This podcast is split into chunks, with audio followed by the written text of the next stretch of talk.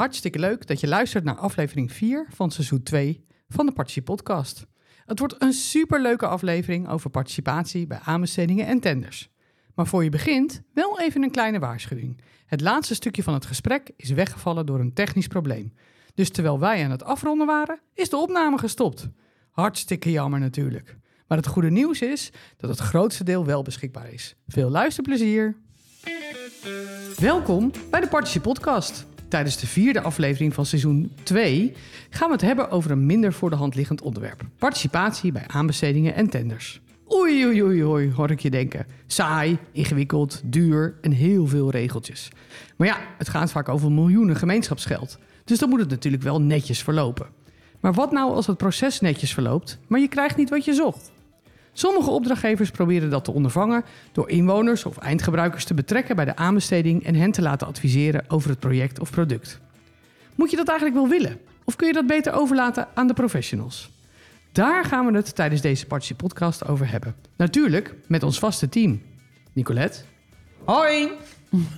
Marion. Ja. Jasper. Ja. En onze gasten. We hebben aan tafel Suzanne Siebers van de gemeente Utrecht. Goedemiddag allemaal. Zij heeft ervaring met het betrekken van bewoners bij de aanbesteding voor een heel spraakmakend gebouw op het Jaarbeursplein in Utrecht. Maar daar horen we straks alles van. Want wie is er nou zo gek om daar tijd en energie in te steken? Nou, Emiel van Ekert. Een Utrechter en die zijn knotsgek inderdaad. Hallo.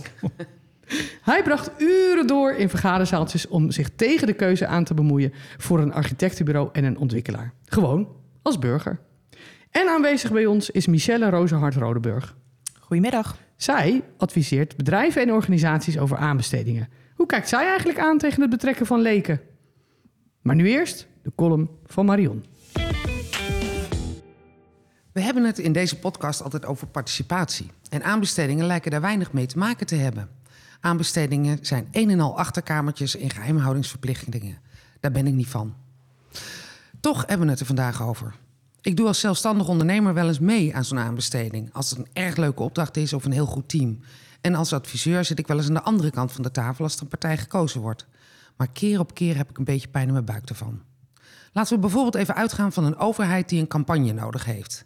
Het mag ook een nieuwe grasmat zijn, koffiebonen, thuiszorg of telefoons voor de medewerkers. Eerst is er een aanbesteding voor het mantelcontract. Dan proberen bureaus een plaatsje te krijgen op de lijst van bureaus die in het vervolg überhaupt mogen meedoen aan aanbestedingen. Een traject waar heel wat tijd en geld in gaat zitten.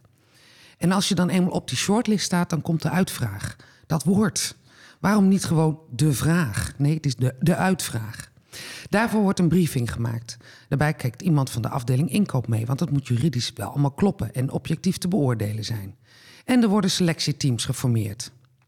Aan de andere zijde worden dan ook teams geformeerd die allemaal aan de slag gaan met het lezen van de briefing. Dan volgt een officiële vragenronde en een antwoordronde en alles verloopt neutraal, vergelijkbaar en juridisch houdbaar. Vijf teams werken zich in zweet. Hebben we de vragen goed begrepen? Kennen we alle randvoorwaarden? Want dat zijn er nogal wat. Wat is onze visie? Voor welk concept gaan we en hoe onderscheiden we ons? En dan gaan ze uitwerken in schetsen en beelden en teksten enzovoort. Want als je dat allemaal niet doet, dan weet je zeker dat je de klus niet krijgt.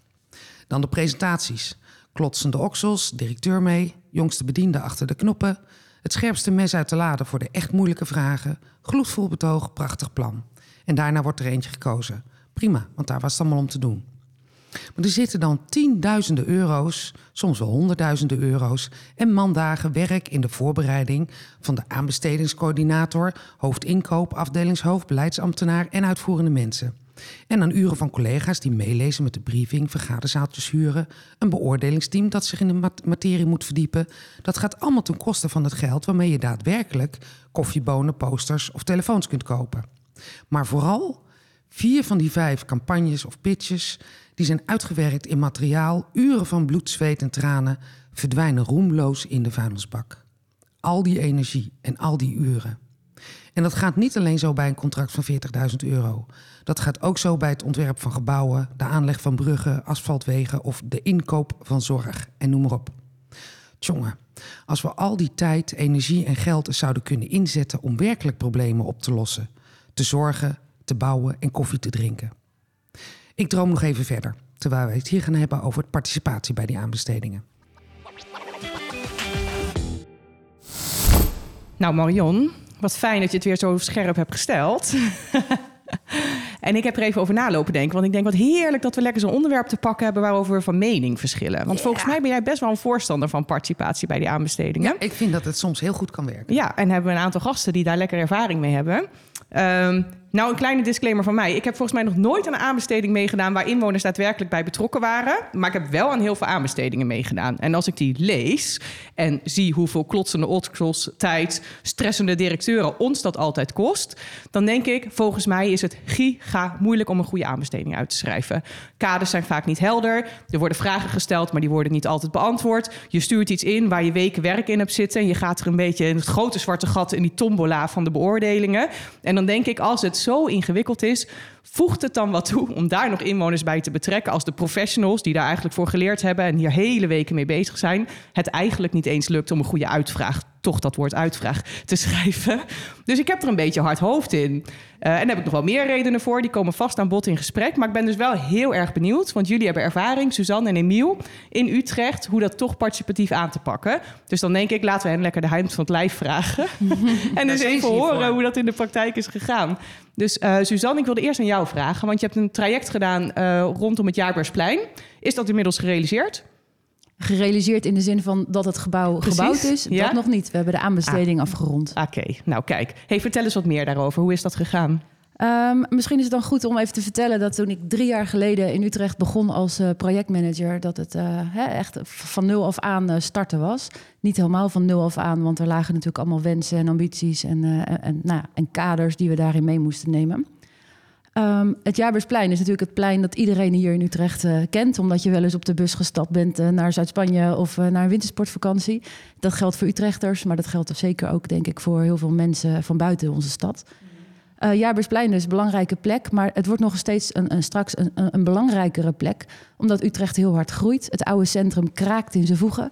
Uh, het centrum moet vergroot worden, er moeten huizen bij komen, dat weet iedereen. Maar bij die huizen en bij al die andere uh, functies horen ook voorzieningen. werkplekken, culturele voorzieningen, plekken om uit te gaan, om elkaar te ontmoeten, om elkaar te ontspannen. dat moet aan de andere kant van Utrecht Centraal plaats gaan vinden, dus aan de westzijde van het station. Uh, zodat het centrum vergroot wordt, zodat er gewoon voldoende plek is voor al die nieuwe mensen en uh, al die mensen die in Utrecht willen wonen. Uh, als je nou straks op dat Utrecht Centraal naar buiten komt, aan die kant van het station, is het Jaarbeurspleingebouw, het gebouw op het Jaarbeursplein, straks het eerste gebouw wat je gaat zien.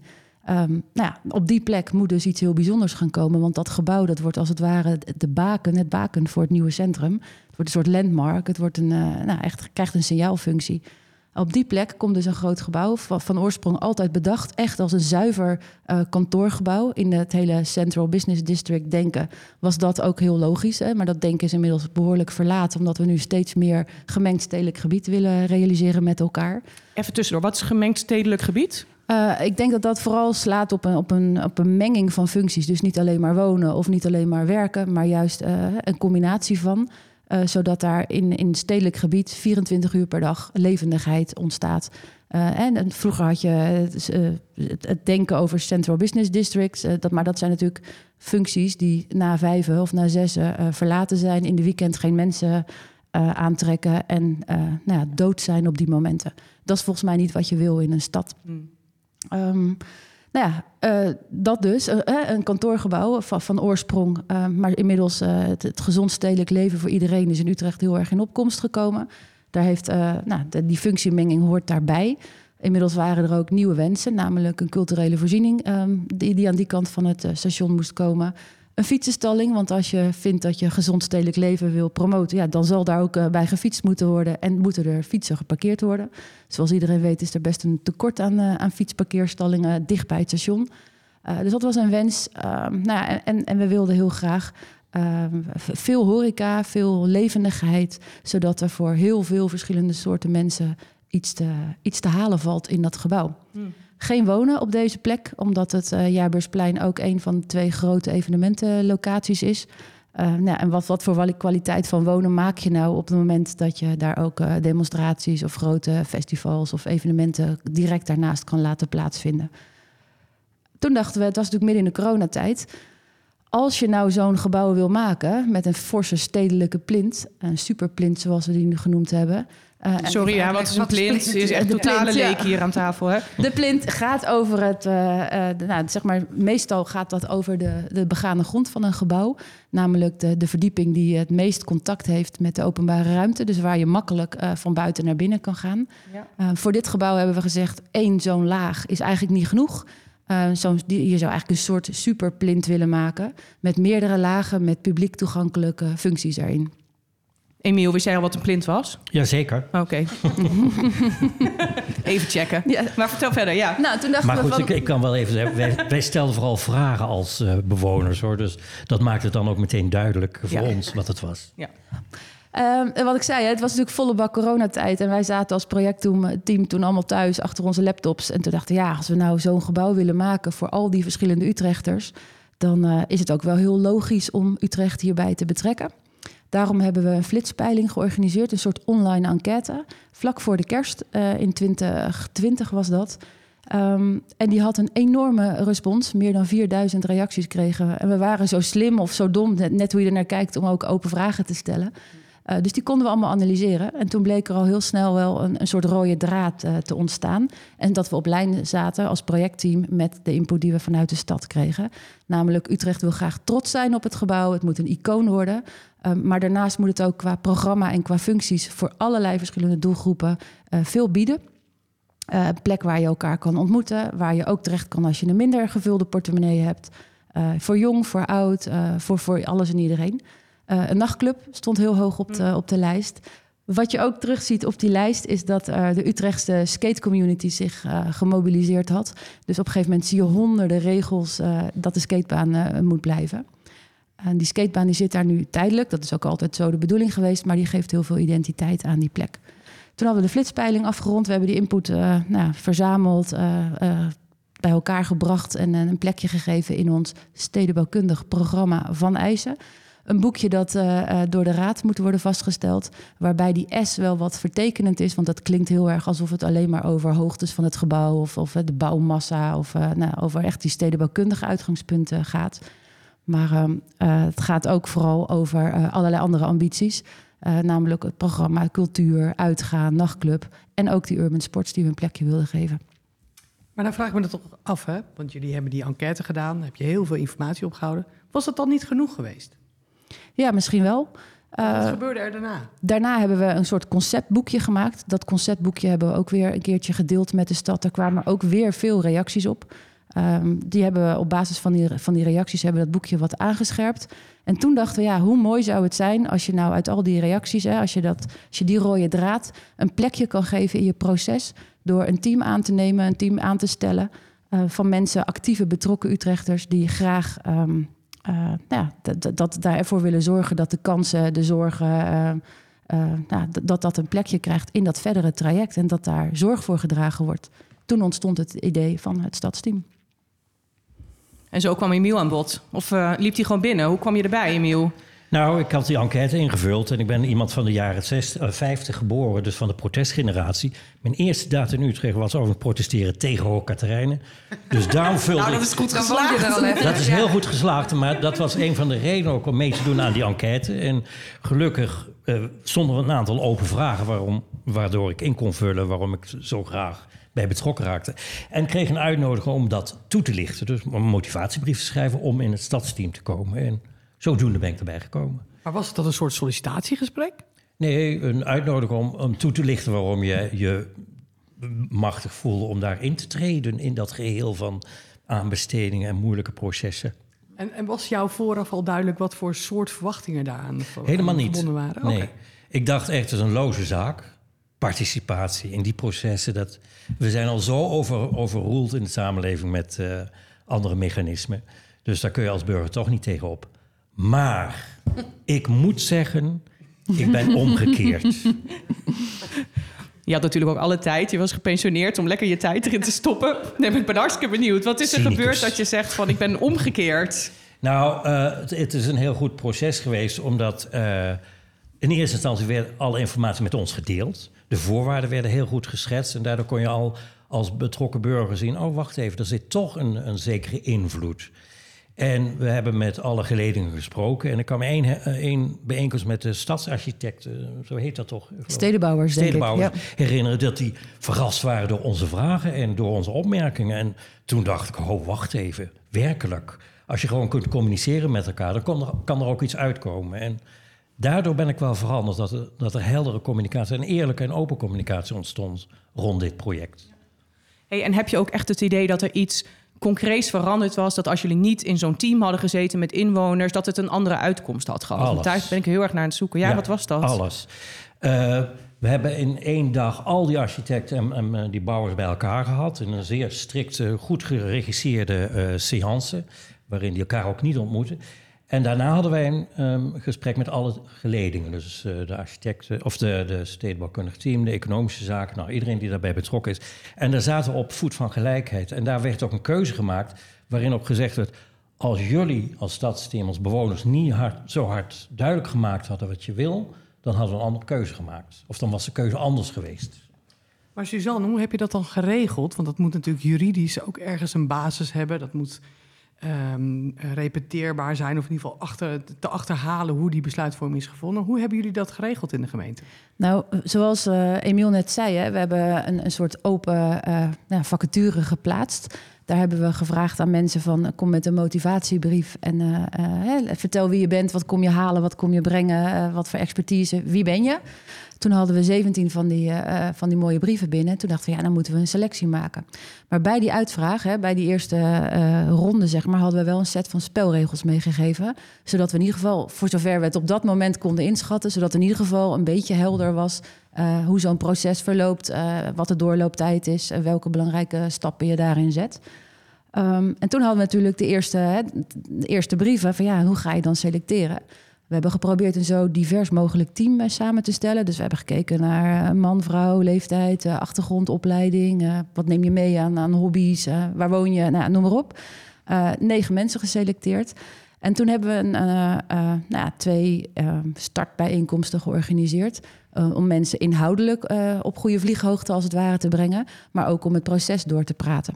Ehm, een van de dingen die daar eh, een rol speelt als je een aanbesteding doet, is dat je, nou, het gaat allemaal om hele concurrentiegevoelige informatie. Eh, voor, zeker voor, die, voor marktpartijen, voor dit type gebouw gaan daar tonnen gaan daarom, al in die eerste fase. Dus we moesten wel met elkaar heldere afspraken maken over hoe strikt ga je om met die informatie die je allemaal krijgt. Want Emiel zegt net, hè, van, we zijn heel open en transparant geweest in de communicatie. Ze hebben ook echt alles gezien, ook de, de cijfertjes daarachter, alle schetsen, alle denkstappen, alles. Maar dat betekent wel dat dat ook een verantwoordelijkheid vraagt van de mensen in zo'n stadsteam om daar op een goede manier eh, mee om te gaan. Dus we hebben op een gegeven moment ook een, ehm, eh, nou ja, een geheimhoudingsverklaring opgesteld. eh, zodat mensen met elkaar, het stadsteam onderling, afspraken maakten over, nou, hè, over wat, wat als er ergens iets misgaat. Hey, en even gewoon, want ehm, laat me zeggen, ik kan me voorstellen niet helemaal hetzelfde als Expeditie Robinson. Maar als je dan vertelt dat je meedoet, dan moet je echt gigaboete betalen. Was dat ook voor jou, Emiel? Voor dit? Inderdaad. ja, toch een soort Expeditie Robinson. Ja. Maar we hebben hun wel gevraagd om met juridische argumenten te komen Ja. om dat te vragen. Want wij zijn natuurlijk geen betaalde krachten. Nee. We hebben geen contract, dus dat komt eigenlijk niet helemaal. Maar uiteindelijk eh, hebben we het op een akkoord gegooid door die boete niet zo hoog te maken. ja, Daar helder. hebben jullie zelf ook Ja. een beslissing over Ja. genomen. Ja. En nog één vraag, maar dat is even een beetje ook een procesvraag hoor. Dus, eh, want ik snap heel erg dat je zegt, nou, we willen inwoners betrekken. Maar ik denk ook, ja, er is ook een gemeenteraad. Die moet uiteindelijk besluit nemen. Dat zijn toch gekozen inwoners die ook eh, mensen representeren en weten hoe het is om in Utrecht te wonen. Vanwaar de keuze om eh, echt met geselecteerde inwoners te werken en niet met bijvoorbeeld de raad.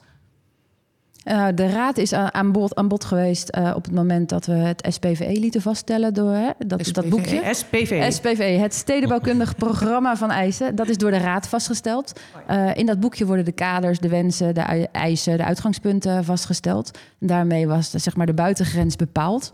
Ehm, je moet denk ik ook niet de indruk hebben dat het stadsteam eh, eh, representatief is of democratisch is. Het is gewoon een club mensen eh, die vanuit hun interne motivatie of passie of drive eh, zin hadden om hier tijd en energie in te steken.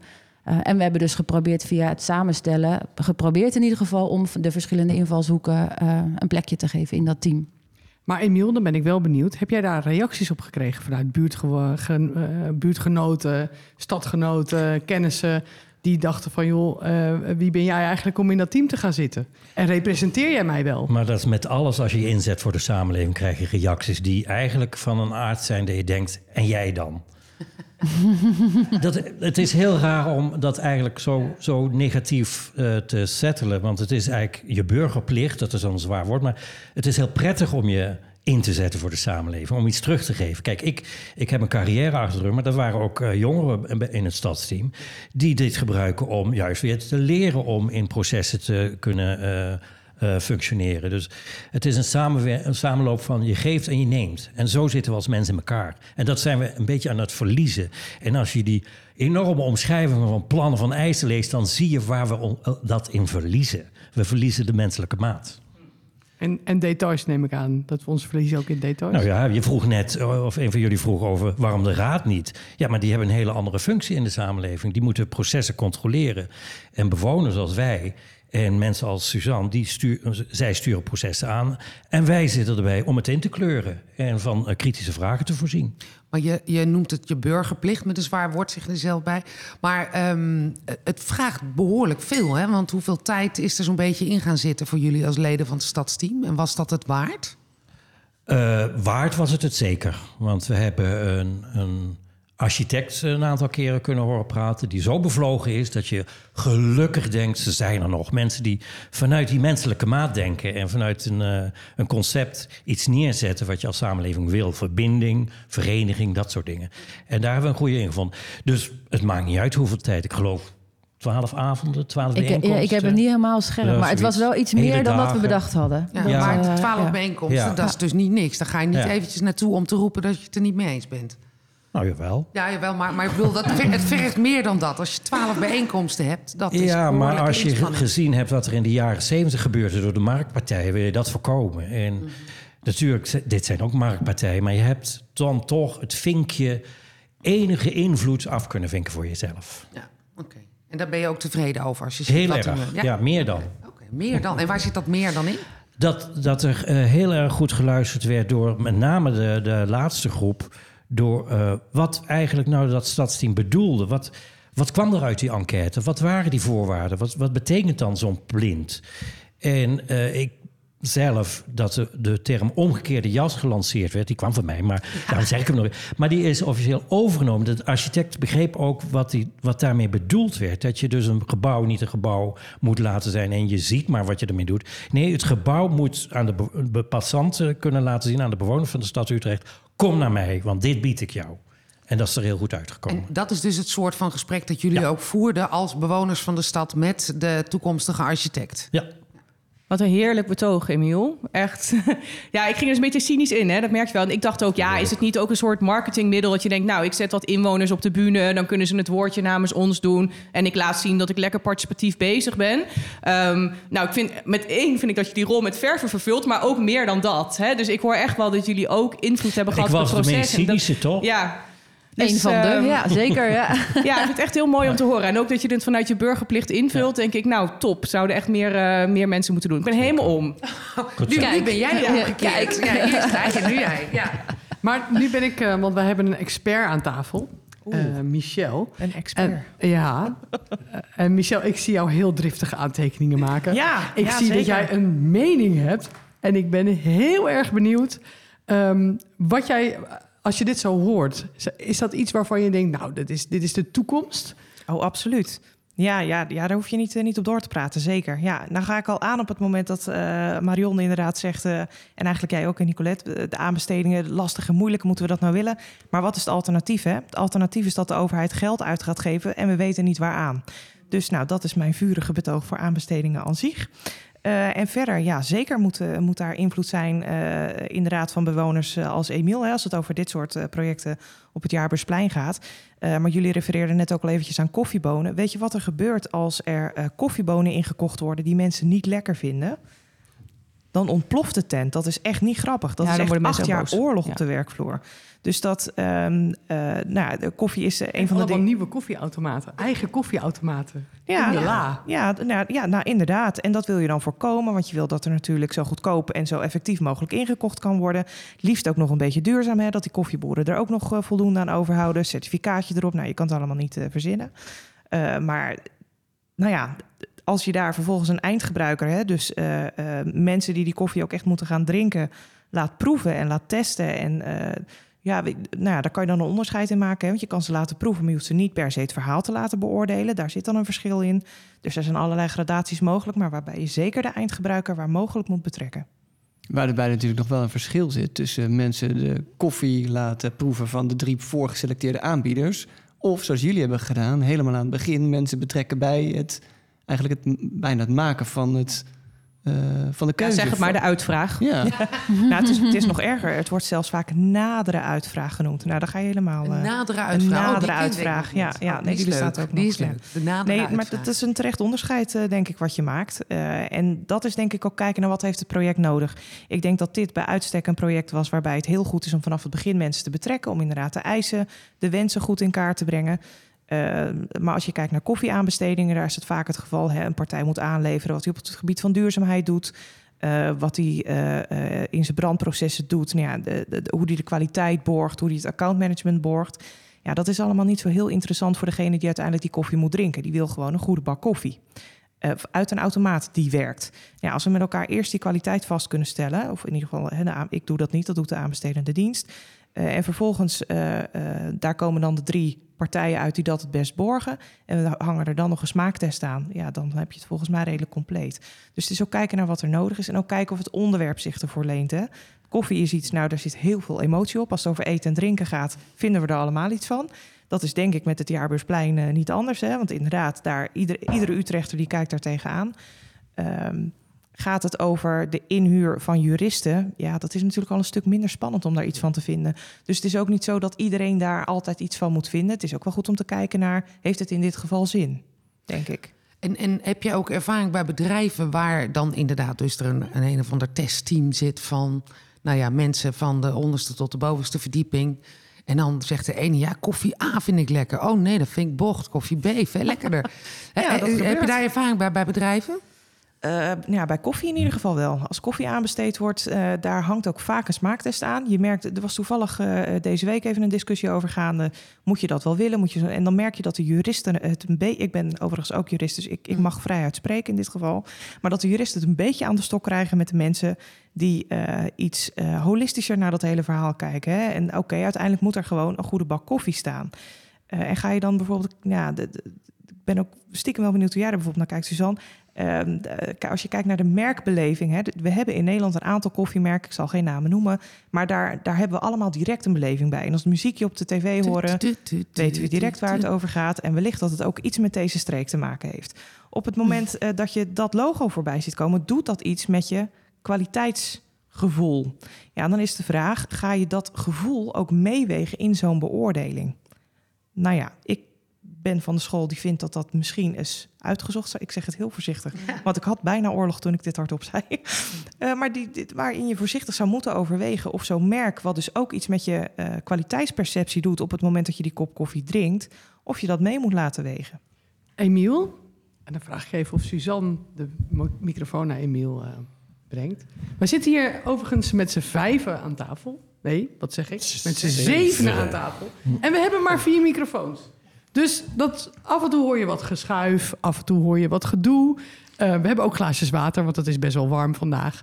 Ehm, dus het kan zijn dat je her en der wat eh, lawaai hoort, maar dat is niet erg. Maar ik heb een vraag aan Emiel. Als je dat zo hoort, hè, die merkbeleving. Heeft dat voor jullie ook meegespeeld in dat stadsteam? Want jullie zagen natuurlijk die teams met eh, eh, architecten en, en ontwikkelaars. Daar zitten natuurlijk misschien best wel grote namen bij. Heeft dat invloed gehad? Nee. Nee, Nou, daar gaan raken wij niet door overdonderd. Ja. Dat wisten we natuurlijk ook van tevoren dat het grote partijen zouden zijn. Want we, we zijn vrij vroeg in het stadium erin gekomen. En voordat er ingeschreven werd. Dus daar werden we ook goed op voorbereid. Niet dat we, ja, dat deden ze heel zorgvuldig. Dus we schrokken daar niet van dat dat grote namen waren. In, integendeel, we waren een beetje teleurgesteld dat er niet meer op afkwamen. Dus nee. Jasper, wil die wat zeggen? Ja, ik zou het fijn vinden om van de koffie weer even terug te gaan naar, eh, naar de participatie bij, het, tenminste het aanbestedingsproces. Ehm, nou ja, we zeiden net al, hè, er zit nogal een verschil tussen een smaaktest of eh, echt zo intensief bij het proces betrokken zijn. Uh, Michelle, wa- wa- wat zie jij in. is, dit een, is dit een trend in organisaties om, om die, die participatie meer naar, het naar vroeg in het proces te brengen? Wat vinden de wat meer. Nou ja, we hebben ook mensen die zijn wat meer proces geor- georiënteerd. Wat vinden die daar eigenlijk van? Ik denk dat de gemiddelde inkoper dit best lastig vindt. Omdat het inderdaad de standaard processen in de, in de war gooit. En het maakt het lastiger. Eh, en kritische vragen eh, nou zorgen dat je soms ook je route natuurlijk bij moet stellen. Dus ik kan me voorstellen dat die dit lastiger vinden. Dat vul ik dan wel in. Eh, tegelijkertijd zie ik ook wel een hoop inkopers die zien dat dit nodig is om te zorgen dat zo'n beslissing gedragen is. En dat je voor de duur van zo'n contract eh, nou ja, dat is, als het over raamcontracten gaat, sowieso wel vier jaar. Gaat het over bepaalde contracten ICT, koffie, duurt dat nog langer. Dan is het wel fijn als je vier tot acht jaar in ieder geval draagvlak in je organisatie ook geborgd hebt. Als je gewoon even vier tot acht jaar geen gezeik hebt. Exact, ja, ja, precies. En dat, nou ja, zo letterlijk staat het er natuurlijk nooit in. Het zou wel verfrissend zijn. Ja, oh heerlijk lijkt me dat. Uh, maar dat is natuurlijk wel wat daarachter zit. Dat zo'n organisatie gewoon lekker zijn werk kan doen. Ik zie jou echt uh, uh, knikken of gebaren. Ja, ik, omdat ik, ik, zat, ik heb het woord beheersen opgeschreven. We, we, zitten in een samenleving waar we uitbeheerst zijn. En volgens mij met alle juridische uh, onderbouwingen. Maar dat iedereen wel wijs aan het worden is. Er zijn andere zaken nodig in plaats van processen te willen beheersen. En dan is participatie bijvoorbeeld een dingetje daarvan. Ja, want je weet van tevoren niet wat eruit komt. Dat is, als het goed is, participatie kan iets onverwachts opleveren. En dus ben je de controle kwijt. Nou denk ik wel, en dat is ook een vooroordeel van mij hoor... maar dat inkopers, dat zijn hele blauwe mensen volgens mij. Processen, procedures, stapjes. En participatie is dan inderdaad een beetje lastig... want er komen zomaar mensen langs zij die er geen ene moer van af weten... en er wel iets van vinden.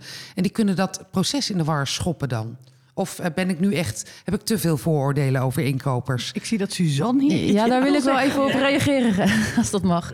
Nou ja, jij noemt hè, inkopers blauwe mensen. Um, ik denk dat dat misschien soms zo is. Maar dat het geluk wat wij in ons project hebben gehad, is dat we echt een kei van een inkoopadviseur hadden. Uh, dat als wij als projectteam iets bedachten en naar hem toe gingen, zeiden van joh, we willen een, uh, we willen een, een, demonstratie uh, organiseren op het Jaarbeursplein met onze Utrechtse topskater Kate Oldebeuving. Dat hij even en dat zei ja, tof, gaan we doen. Dus volgens mij is het. Uh, er zijn misschien heel veel blauwe mensen, maar als je er eentje treft die bevlogen is en dingen wil waarmaken, ja, die heb je nodig bij dit soort dingen, omdat het inderdaad een beetje anders gaat dan anders, maar zoveel meer energie in zo'n proces geeft en zoveel meer dynamiek. En nog één laatste aanvulling. Um, we hebben in dit uh, project ook een wethouder die hè, kan het niet een beetje meer en zullen we het overtoepen en kunnen we nog iets extra's, ook in de communicatieuitingen. Dus als je in zo'n setting bent, in zo'n zulke dynamiek, ja, dat versterkt natuurlijk dat hele traject. En dat is denk ik wel een trend die je, die je ziet ontstaan. En inderdaad, steeds meer inkopers die er wel op die manier naar kijken. Want ik herken ook de standaard blauwe inkoper wel, zal ik maar zeggen. Die zijn er. Uh, dat zijn altijd stroevere processen met uh, vragenrondes waar veel meer vragen gesteld worden, ook gek genoeg. Terwijl als je inderdaad werkt met de type inkoper dat jij omschrijft, Suzanne, dan uh, dan loopt het veel soepeler. En dan kom je uiteindelijk ook uit bij iets uh, wat misschien uh, niet helemaal is zoals je het gepland had, maar wat wel aansluit op wat de daadwerkelijke behoefte is. Dus de, de trend in inkoopland, dat die kantelt, dat zie ik inderdaad ook. Zie je ook aanbestedingsproces, want jij doet dat voor nou, koffiebonen, maar ook voor andere dingen, waarvan je zegt, nou, daar moet je het gewoon niet doen. Daar, daar, heeft participatie geen enkele meerwaarde. Ja, daar, ja zeker. Uh, ik denk dat uh, om te starten met waar je het wel zou moeten doen, is eigenlijk alles waar eindgebruikers iets van vinden. Uh, speeltoestel is bijvoorbeeld ook volgens mij perfect iets waarbij je uh, burgers kunt of zou moeten betrekken. De mensen die daar omheen wonen, wat, wat willen die eigenlijk, wat hebben die nodig? Waar spelen kinderen tegenwoordig mee? Oekraïne-opvanglocaties worden enorm veel aanbesteed op het moment. Dat is echt uh, wekelijks komen er meerdere uh, voorbij. Ja, dat zijn zaken waarbij je toch eigenlijk wel wil weten... wat vinden omwonenden hiervan? wat kunnen die zelf bijdragen om op die manier te zorgen... dat zo'n centrum of zo'n nou ja, speeltoestel... maar alles wat daar geplaatst wordt, beter ontvangen wordt. Als je vraagt wat is nou iets waarbij het minder past... Ja, dan is dat bijvoorbeeld de inhuur van, van personeel. Ja. Je noemt daar wel een interessante inderdaad, die, die uh, opvanglocaties bijvoorbeeld. Hè? Dan zijn er een paar partijen die een gebouw in de aanbieding hebben, uh, aanbesteding doen. De omgeving vindt daar misschien iets van, maar tijdens die aanbesteding kan die partij niet zomaar naar buiten toe om aan de buurt te vragen: wat zouden jullie hiervan vinden? Waarom want het niet? is, eh, nou ja, dat is dan het een beetje, het is allemaal geheim, want eh, jij, ze weten van elkaar niet wie welk gebouw onder welke voorwaarden aanbiedt. Maar even in dit voorbeeld. Ja, dat is meestal wel bekend. Dus het gaat om een bepaald, Oké. een bepaald schoolgebouw dat leeg staat. Eh, ik denk dat het heel interessant is om te vragen hoe omwonenden dat zien. En vaak komt er dan weerstand. Maar laat die weerstand dan alsjeblieft nu komen en niet Ja. als die mensen er zitten. Ja, we doen eens. met, ja, toch altijd even promotie. Bij Citizens doen we dat dus wel. Dat we ook even een soort foto maken van de buurt als soort type inwoners. Maar ook een soort mini-flitspeiling al zouden kunnen uitvoeren. Juist omdat wij weten dat we dan natuurlijk stripje voor hebben, hè, in die aanbesteding. Dus ik ben daar wel een voorstander van. Dus eh, gewoon lekker je research goed doen. Ja, ook al in de aanbesteding. Ja. Ja. en dat geldt ook voor. eh er zijn dan vaak gemeenten hè, die dat aanbesteden. Gemeenten zou dat, wat mij betreft, ook moeten doen. Omwonenden zeker betrekken. Nou ja, daarmee voorkom je ook het wantrouwen in de samenleving. Wat groeiende en groeiende is en vreselijke gevolgen heeft. Dus openheid vanaf het begin is het belangrijkste. En Ja, zeker waar draagvlak gecreëerd Ik, moet ik worden. denk z- zelf inderdaad, maar ik zie nou, ik, ik ben bezig met een aanbestedingsproces aan de andere kant. Hè, dus de, de partij die inschrijft, maak ik deel uit van het team. En eh, daar zegt de gemeente, ja, we vinden voor dit project de participatie heel erg belangrijk. Maar ehm, we willen niet dat er drie partijen dezelfde buurt ingaan om te vragen, want, want dat vinden mensen verwarrend. Dus ehm, eh, maken, we gaan een keuze maken op basis van een voorlopig ontwerp. Nou, dan ligt het al behoorlijk vast. En dan moet je gaan participeren, want we vinden participatie heel erg belangrijk. Ik denk, ja, dan, daar gaat dus ergens iets mis. Dan heb je denk ik als eh, aanbestedende dienst zijn de verkeerde procedure gekozen. Hm. Eh, ik, ik, Suzanne, welke procedure hebben jullie gevolgd? Is dat concurrentiegerichte dialoog geweest? Ja, Europees. Ja, Ja, precies. Ja, Daar heb je, dat is een, eh, een procedure waarbij je bij uitstek de ruimte creëert om aan de voorkant met elkaar het overleg te plegen. Ga je voor een ander type eh, eh, aanbesteding, zoals ik denk dat dit een Europees openbare is, is even aan. Dat zijn de Ik meeste. heb geen idee hoor. Maar hoe noem je die nou? ik ben- welke, welke die dialoog? Ik leer hier ook wel van. Ja, ik ook, ja. Hoe, hoe noem je die, die procedure? De concurrentiegerichte dialoog. Oh Ja. dat is de procedure die wij hebben doorlopen. En dat betekent dat je ook met marktpartijen in gesprek gaat eh, als gemeente. Ehm, maar dat betekent ook bijvoorbeeld dat het stadsteam met het marktpartijen in gesprek kon gaan. Dus die gesprekken hebben ook echt één op één plaatsgevonden. Ja, ik hou hier zo van. Hè? Want dan precies, kijk, we hebben het heeft over beter maar voor inwoners, maar ook als bureau om een goede aanbieding te doen. Gewoon scherp die vragen stellen, duidelijk maken wat je nou wil. Ja, dat doe je door je ook vooraf te informeren van wat kunnen de partijen nou, wat is nou het verschil? Kan je daar je vragen op richten? Dus ik wist helemaal niet dat het een naam had, maar fantastisch. Ja. Ja, het is net een echt vak. Wij zijn fan. net echt, Wij ja. zijn Nu is in het vervolg participatie over de aanbestedingsvorm organiseren. Ja. nou ja, weet je, jij had het net over eh, em, bewoners vroegtijdig betrekken. Ehm, achteraf, denk ik, hadden we misschien nog wel eerder eh, eh, het stadsteam of, of een vorm van participatie kunnen en moeten toepassen. Want ehm, dat boekje, dat SPV, Stedenbouwkundig Programma van Eisen, ehm, dat lag natuurlijk wel als kader vast toen we met, in, in gesprek kwamen met het stadsteam. Dus misschien was het nog wel interessant geweest, maar hoe je dat dan precies voor moet geven, weet ik ook niet. Maar om de allereerste vraag ook al eh, nou ja, breder te delen of met de stad op te stellen. Ja, aan de andere kant is natuurlijk wel, je moet wel een praatstuk hebben. Want jullie zijn Ja. wel de specialisten. Je haakt burgers aan die, eh, die daarin eh, ook met een eigen kader komen. Maar die daar natuurlijk wel een bepaalde begeleiding in nodig hebben in het maken van keuzes. Ja, dus dat ja. er al een kader ligt, ja, dat, dat vind ik op zich Het niet hielp erg. wel, denk Ja. ik, in dit traject. En daarmee schoot het niet helemaal van links naar rechts.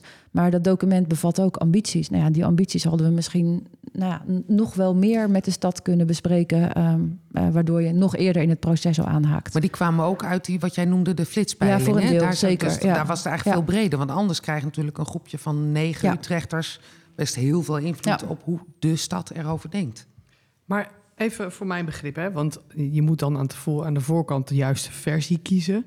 Ehm, wat nou als je in de verkeerde versie bent getrapt? Wat bedoel je met versie? Bedoel je daarmee De, eh, de, de, de soort procedure? aanbesteding. Hè? Dus, dus eh, je hebt toevallig de verkeerde, het verkeerde vinkje aangezet.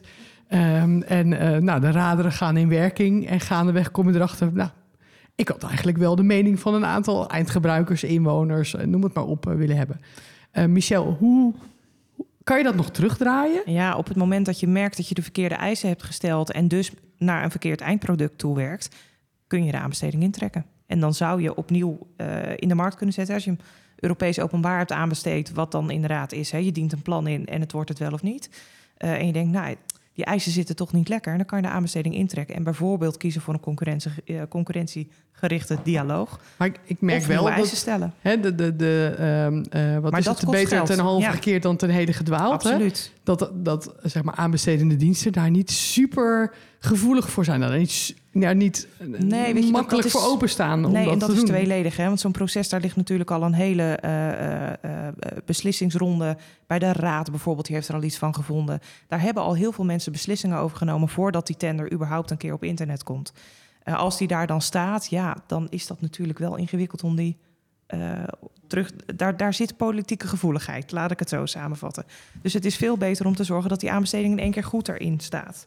En ja, daar zitten wel eens uitdagingen. Maar daar, politiek gaat toch over mensen?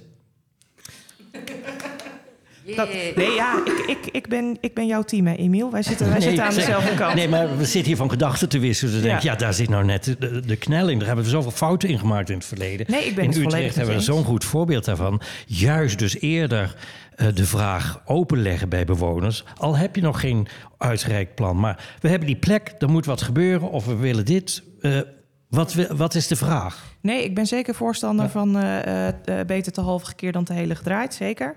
Was dat hem? Ja. Gedwaald. nou ja, dat dus. Ik Eh, ga je niet meer vergeten. nee, precies. Eh, dus daar ben ik het volledig met je eens. Eh, de andere kant is wel, hè, je hebt ook te maken met, eh, met belastinggeld. Zo'n inkoopproces is echt knallend duur. Dus op het moment dat je dat volledig doorgelopen hebt, moet het wel ook een hele serieuze afweging zijn om dat opnieuw te gaan doen. Onderschat niet de burger. Oh, zeker niet. Nee, Nee, nee, wat mij dus betreft ik eh, betrekken we burgers zoveel mogelijk. Nee, Ja. zeker. Maar op het moment dat die tender eenmaal uitstaat, is het best een, eh, een ding om die terug te trekken. Hm. Is het nodig? Moeten we dat altijd doen? Maar ik herken wel dat aanbestedende diensten dat lastig vinden. Dan moeten ze luisteren. Oh, volledig. Ja, zeker. Zeker. Als je nou, ehm, Michel, kijkt naar die... die ehm, eh, en je hoort het verhaal van de stadsteams... Hè, en, en je zegt zelf, ik vind het heel belangrijk... dat, dat eindgebruikers of inwoners meedenken. Wat zou hun formele rol moeten zijn, wat jou betreft? Ik denk dat je daar eh, zeker beslissingsbevoegdheid moet leggen, ook bij, eh, bij burgers. Ehm, of in ieder geval nou, minimaal een stevige adviesrol. Waarin, en als ik jou goed beluister, Emiel, zijn jullie echt serieus genomen ook. Eh, maar ja, waarom ook niet een, een rol als beoordelaar? eh, punten toekennen aan bepaalde plannen. Ehm, omdat daar uiteindelijk natuurlijk de beslissing op genomen wordt. Het gevaar van geen beslissende eh, bevoegdheden geven op zo'n moment is dat het toch overruled wordt. En dan keert het zich tegen je, die burgerparticipatie. Ik heb eigenlijk nog een vraag aan Suzanne. Ehm, en ik ben mijn vraag even kwijt. Oh, shit.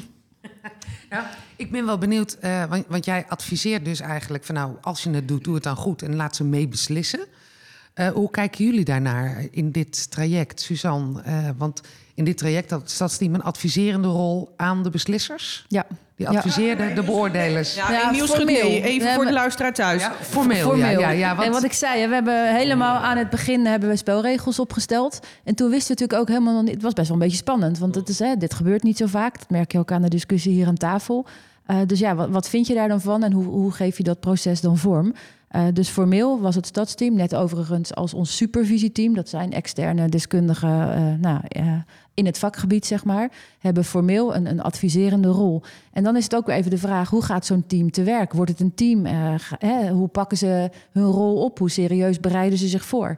En gaandeweg het traject bleek wel dat het wel weliswaar een adviserende rol was, maar wel een met af en toe eentje die van doorslaggevende betekenis was. Dus ik denk dat dat, ze, dat hebben ze ook zelf verdiend, als het ware. Daar, daar zit denk ik ook een, eh, eh, nou ja, een leerpunt van als je dit goed vormgeeft, had, had je ze misschien inderdaad wel een, een, een beslissende rol kunnen geven. Die vind ik dan toch ergens wel weer spannend, moet ik zeggen. Want eh, hoe bepaal je dan of er wel of geen... of, of een team goed genoeg is, zeg maar, om mee te mogen beslissen? Ja, dat is de, ja, maar dat is ook een beetje hoe iets loopt. Dat is niet iets wat je helemaal van tevoren kan zien. En ehm, wat natuurlijk heel wat, wat fijn was voor dit project, is dat het niet eh, een hoog gebouw in de achtertuin van allerlei bewoners is.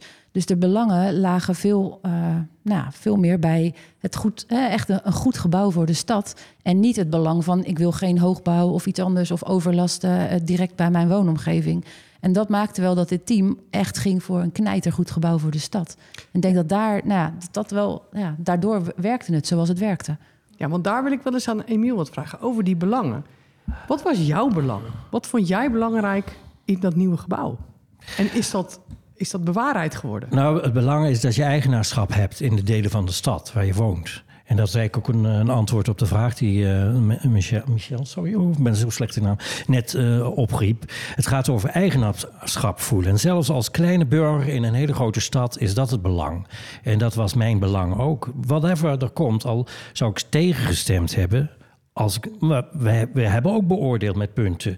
We hebben in de gaande de route de gelijkwaardigheid gevonden in al die teams. Dus ik ben eigenlijk verbaasd alsof we hier praten over een nieuw kinderke Jezus wat geboren is. Maar voor ons was het vanzelfsprekend dat, dat die processen zo zouden moeten verlopen en dus verlopen. Dus ja, als je je en ik denk dat we daar heel goed met elkaar samengewerkt hebben. Het hele goede beseffen dat eigenaarschap. Je zit hier niet voor uh, dat gratis dineetje wat je krijgt. Of die lito die je af en toe toegeschoven krijgt omdat je niet betaald wordt. Je zit daar om, om eh, de burgers te vertegenwoordigen. Dus eigenaarschap te maken van de stad. Ik heb, ik heb nog een andere vraag eventjes. Um, jullie hebben dit gedaan uh, vanuit de gemeente Utrecht, uh, Suzanne. Um, stel nou dat ik, uh, ik werk bij, uh, bij een andere gemeente en ik denk, nou, dat, eigenlijk vind ik dit een heel mooi voorbeeld. Ik zou dat ook wel willen doen.